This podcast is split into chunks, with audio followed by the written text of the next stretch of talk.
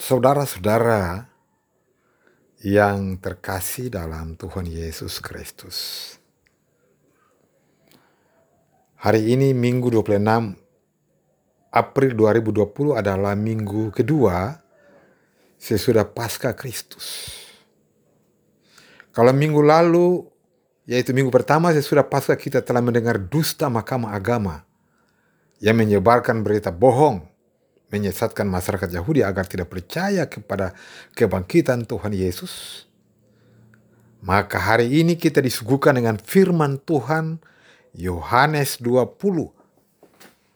ayat 24 sampai 29 sesuai dengan daftar bacaan dari Gereja Protestan Maluku dengan judul Yesus menampakkan diri kepada Thomas. Sebagai orang Kristen kita tahu bahwa Thomas murid Yesus adalah sosok yang skeptis terhadap kebangkitan Yesus. Karena dia harus melihat dulu baru percaya. Menurut logika cara berpikir Thomas juga betul. Tetapi Thomas tidak mempergunakan nalar karena menurut filosof Immanuel Kant, dengan istilah sapere aude, artinya berani kembangkan nalarmu sendiri. Maka Thomas juga berada di persimpangan jalan. Karena nalar harus menjawab nalar. Apalagi berita kebangkitan itu disampaikan oleh teman-teman muridnya sendiri. Murid Yesus. Sumbernya jelas Sasarannya juga jelas, yaitu tentang pemberitaan Yesus dari mulutnya bahwa dia bangkit dan penampakan kepada mereka. Kecuali sumber dari yang tidak jelas. Sebab kalau sumber tidak jelas, beritanya berpindah-pindah dari channel yang satu ke channel yang lain dengan versi yang berbeda-beda sehingga dapat diartikan juga berbeda-beda. Kelakuan Thomas itu juga sementara dipraktikkan oleh kita semua. Sehingga sering kita sesama tidak saling percaya, karena berita benar bisa menjadi salah dan berita bohong bisa menjadi benar.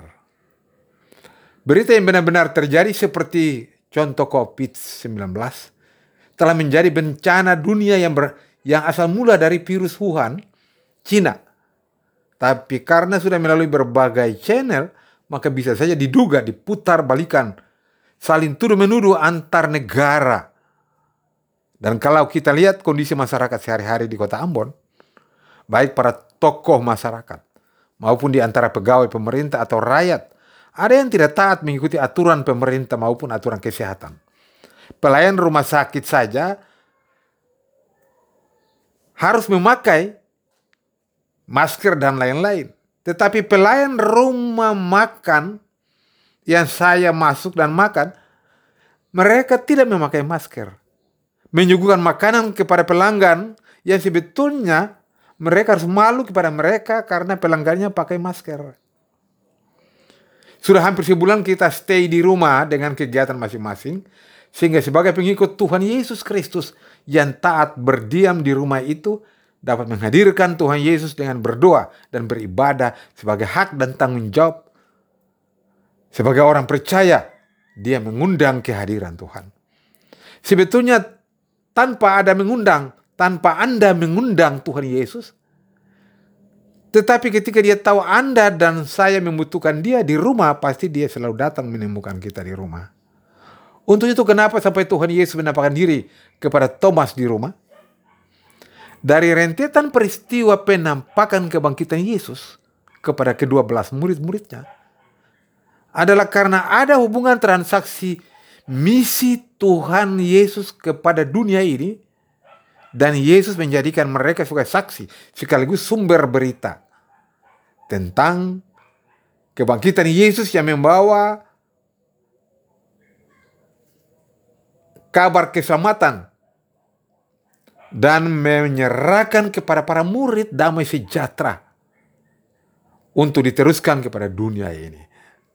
Berita itu disampaikan Yesus kepada murid-muridnya bertempat di rumah, tempat kediaman mereka.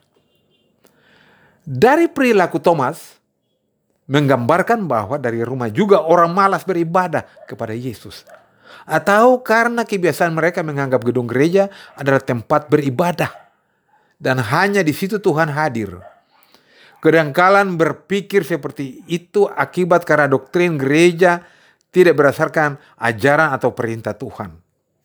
Saudara-saudara terkasih, hari ini kita beribadah di rumah masing-masing dan belajar dari Injil Yohanes tentang Yesus menampakkan diri kepada Thomas. Untuk mengerti pembacaan Yohanes 20 ayat 24 sampai 29, Perlu kita pahami hal utama dan penting dari penampakan Yesus yang ditulis dan ditekankan penulis Yohanes pada ayat-ayat sebelumnya Yohanes 20 ayat 11 sampai 18 di mana Yesus menampakkan diri kepada Maria Magdalena dan pasal 20 ayat 19 sampai 23 Yesus menampakkan diri kepada para muridnya. Hal utama yang ditekankan oleh Yesus adalah saat kebangkitan dan penampakan Yesus kepada Maria Magdalena, Yesus melarang Maria Magdalena menyentuh dirinya pada ayat yang ketujuh. Tetapi dalam pasal 20 ayat 27, Yesus menantang Thomas untuk menyentuh tubuh Yesus, mencucurkan jari ke dalam bekas paku itu dan ke dalam lambung Yesus. Penampakan Yesus kepada Maria Magdalena bersama ke-12 murid di dalam rumah yang terkunci pada hari pertama kebangkitan Yesus yang diceritakan kepada salah satu murid Yesus, yaitu Thomas bahwa mereka telah melihat Tuhan. Tapi Thomas yang disebut Didimus tidak percaya. Malahan menantang teman-temannya dengan mengatakan pada pasal 20 ayat 25. Sebelum aku melihat bekas paku pada tangannya.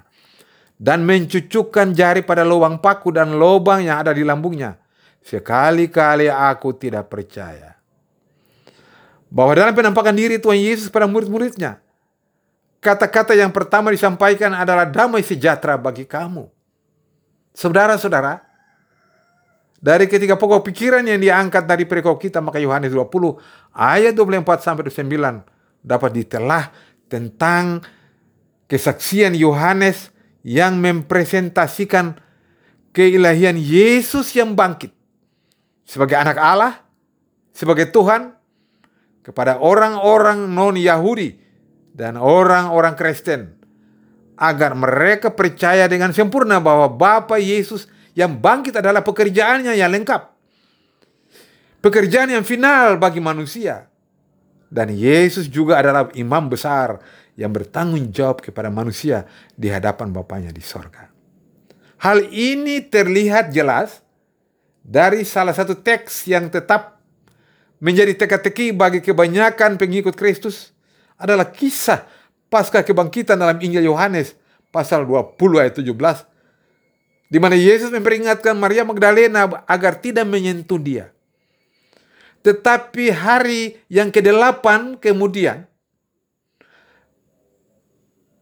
Yesus mengundang Thomas untuk menyentuh dirinya dengan mencucukkan tangan pada lubang paku dan lubang di lambungnya pada Yohanes 20 ayat 27.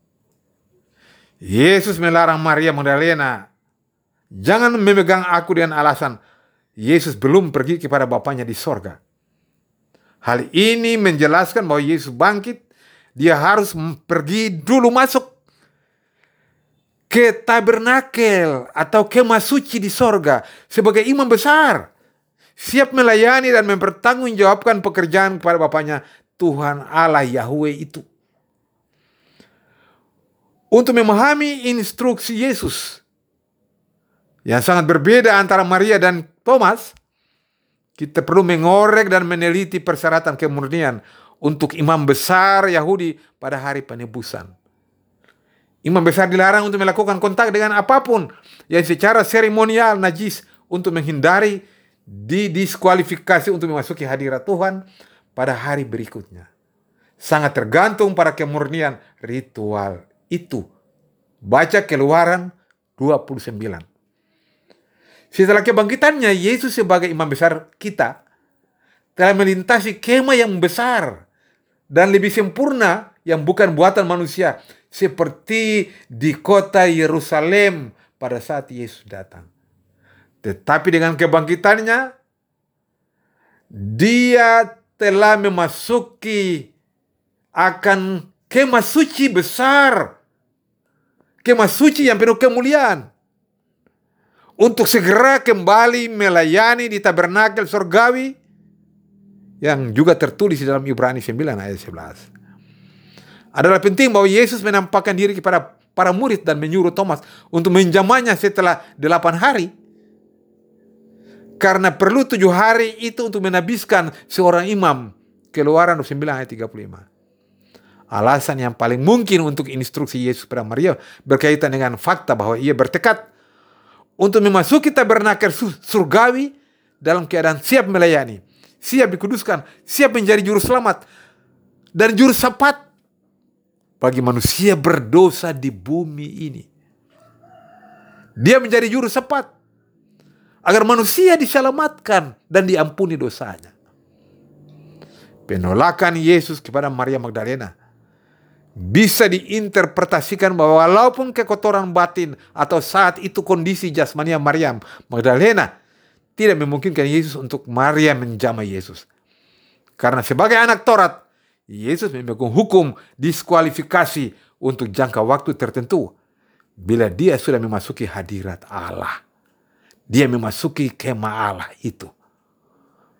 Maria Magdalena mungkin memiliki sejumlah alasan untuk kekotoran batin sebagai perempuan datangnya bulan menstruasi atau masuk ke dalam kubur. Dibandingkan misi imamat Yesus terlalu penting untuk tidak memungkinkan Maria Magdalena sentuh dirinya. Karena misi itu adalah misi untuk mengampuni manusia dan menyelamatkan manusia.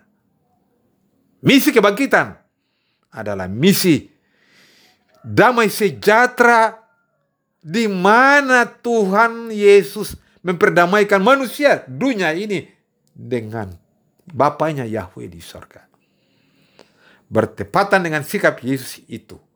Maka tema gereja Protestan Maluku yang kami ambil bertemakan iman kebangkitan menguatkan pengakuan.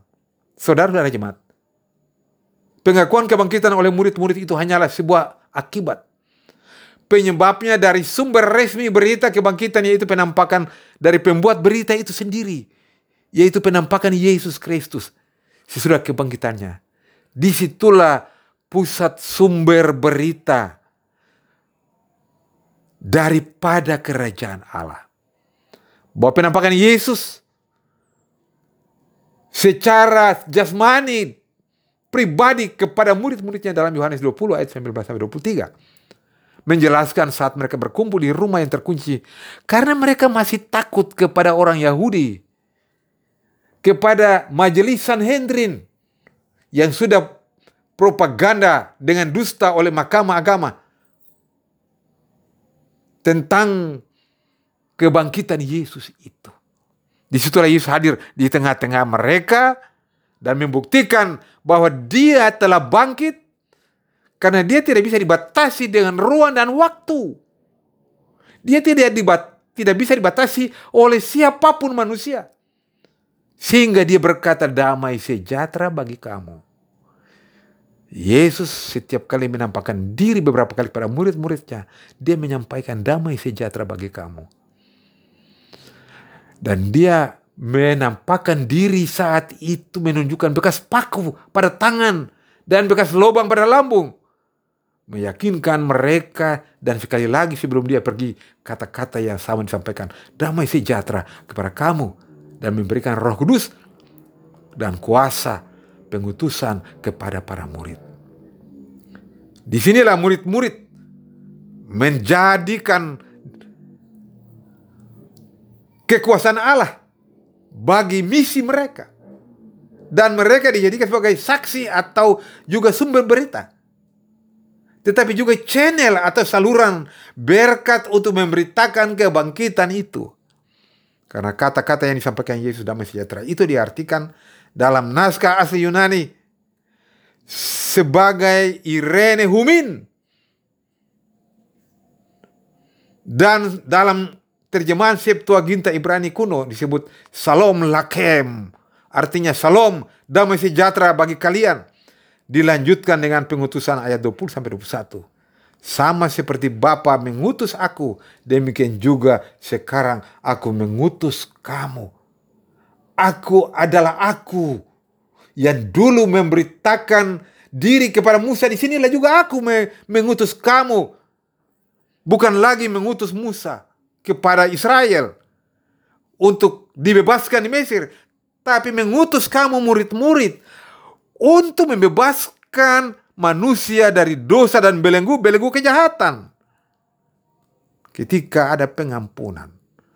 Untuk itu damai sejahtera itu adalah hak sekaligus tanggung jawab setiap orang yang mengikuti Yesus Kristus. Karena itu hendaklah damai sejahtera dalam Kristus memerintah dalam hatimu.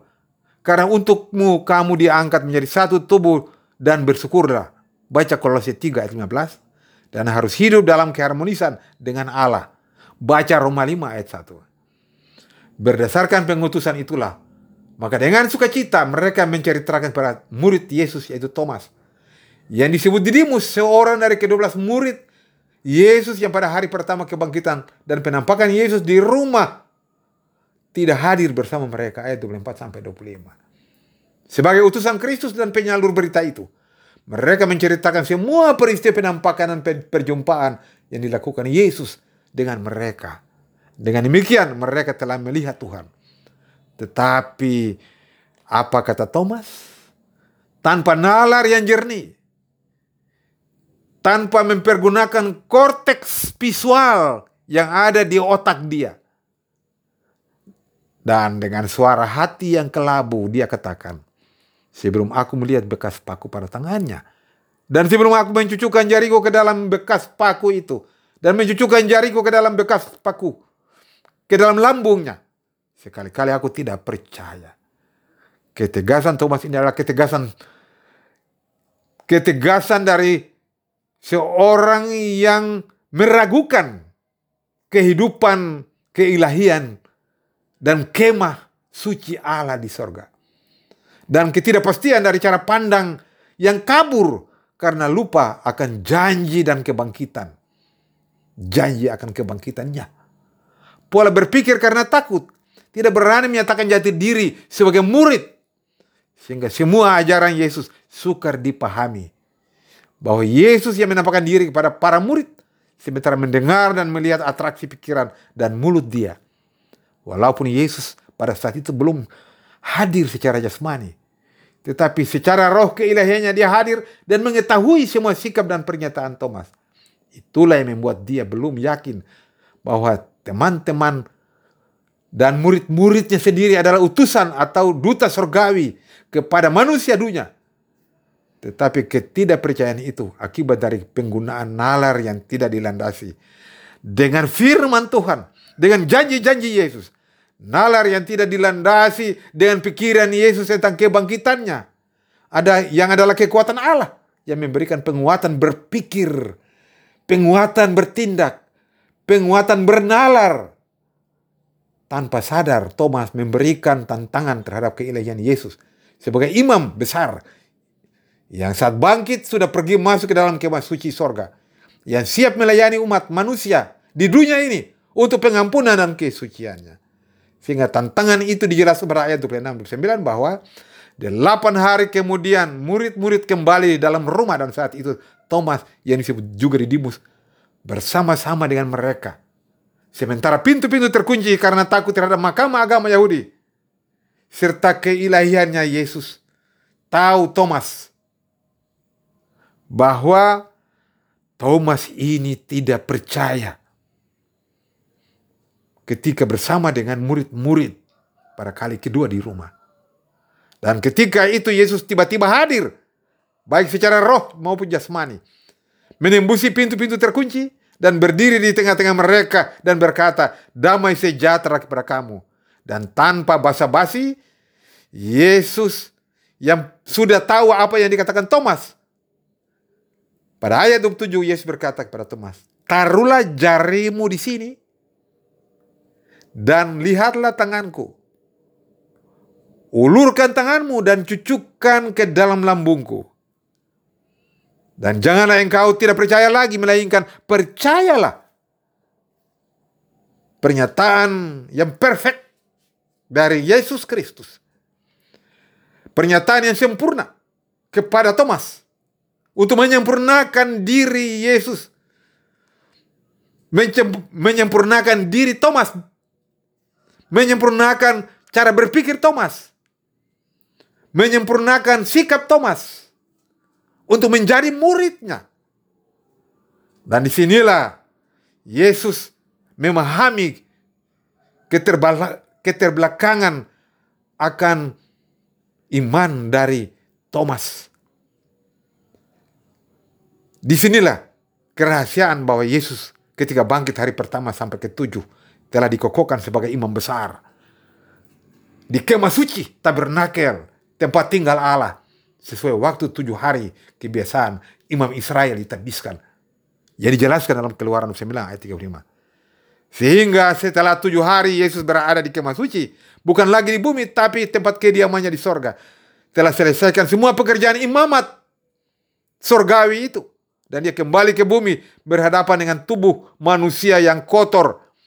Kekotoran batin, kelemahan iman, manusia Thomas sudah tidak bersalah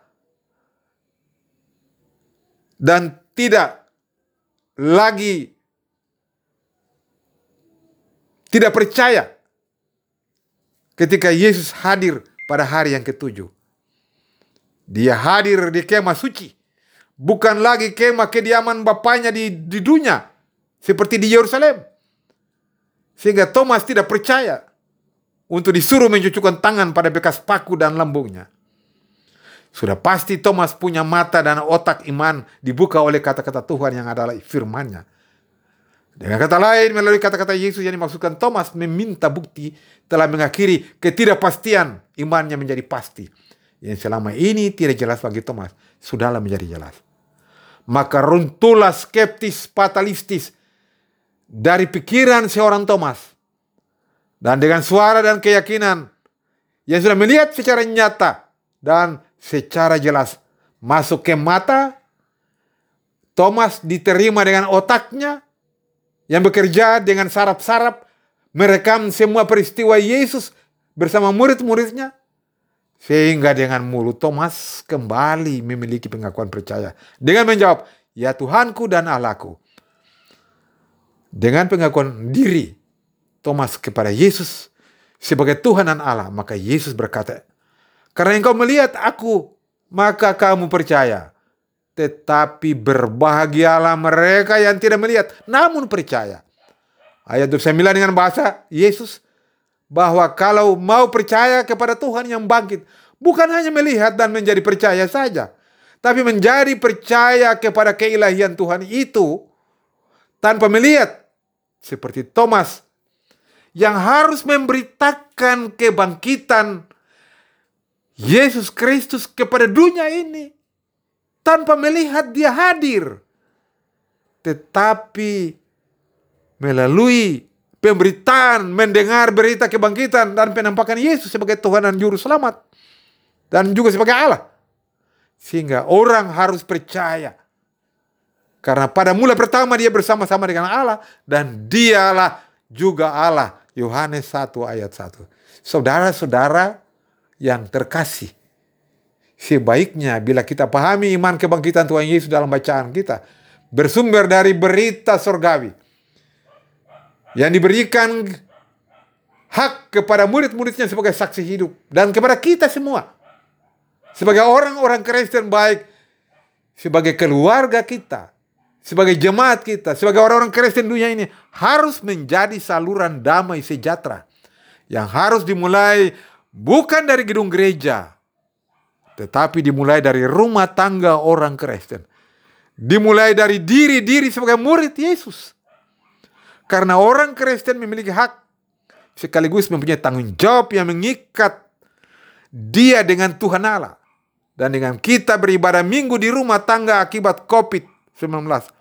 Maka sebetulnya Tuhan memperingatkan kita bahwa sebelum kita ke ibadah di gedung gereja, perbaikilah hubungan antar ibu dan bapak, orang tua dan anak, saling hormat dalam damai sejahtera dengan semua orang, jangan seperti kabu kubur yang berlabur putih, tapi di dalamnya tulang-tulang berserakan.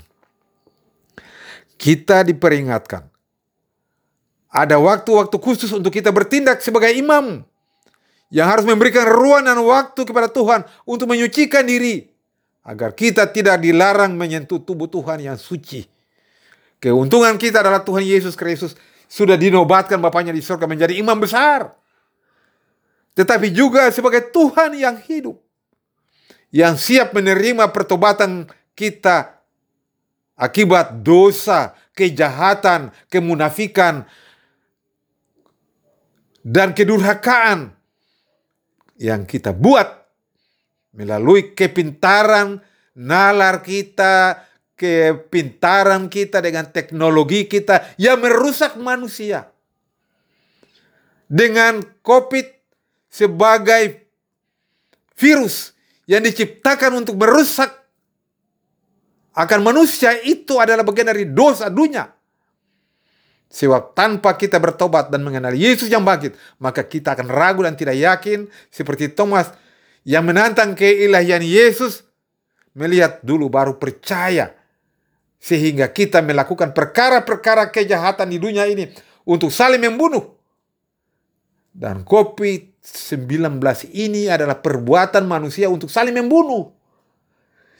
Yang juga diizinkan Tuhan karena manusia sudah berbuat dosa. Mengotori dunia ini. Sehingga spesies-spesies manusia ini bisa dihabiskan kalau kita tidak bertobat. Karena kita adalah bagian dari spesies yang diciptakan Allah. Yang harus melindungi alam dan alam harus melindungi kita. Tapi ternyata alam juga menolak kita. Untuk itu dengan berita kebangkitan Yesus Kristus. Sebagai duta-duta yang punya kewajiban untuk meyakinkan orang baik orang-orang yang lemah menjadi kuat iman, meyakinkan orang-orang yang belum percaya dan tinggal dalam kegelapan maupun dunia ini yang penuh dengan kejahatan agar bertobat. Dengan kopik ini orang harus bertobat. Tetapi berbahagialah mereka yang percaya namun tidak melihat. Iman kebangkitan Kristus bukan saja harus menguatkan iman orang percaya, tapi pengakuan kepada kebangkitan Kristus menguatkan iman kita walaupun kita tidak melihat dengan mata kita bahwa Yesus telah bangkit di kubur itu pada abad 21 yang lalu. Berita kebangkitan yang disampaikan oleh para murid harus diterima dengan otak kita yang didasari oleh firman Allah. Bukan dipahami dengan teknologi yang modern dan canggih yang membunuh, yang juga bisa kembali membunuh manusia.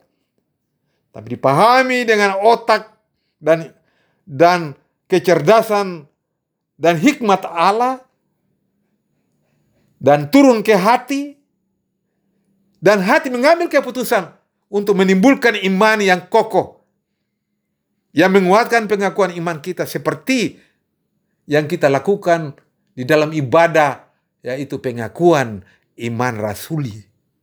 Amin. Selamat hari Minggu. Shalom.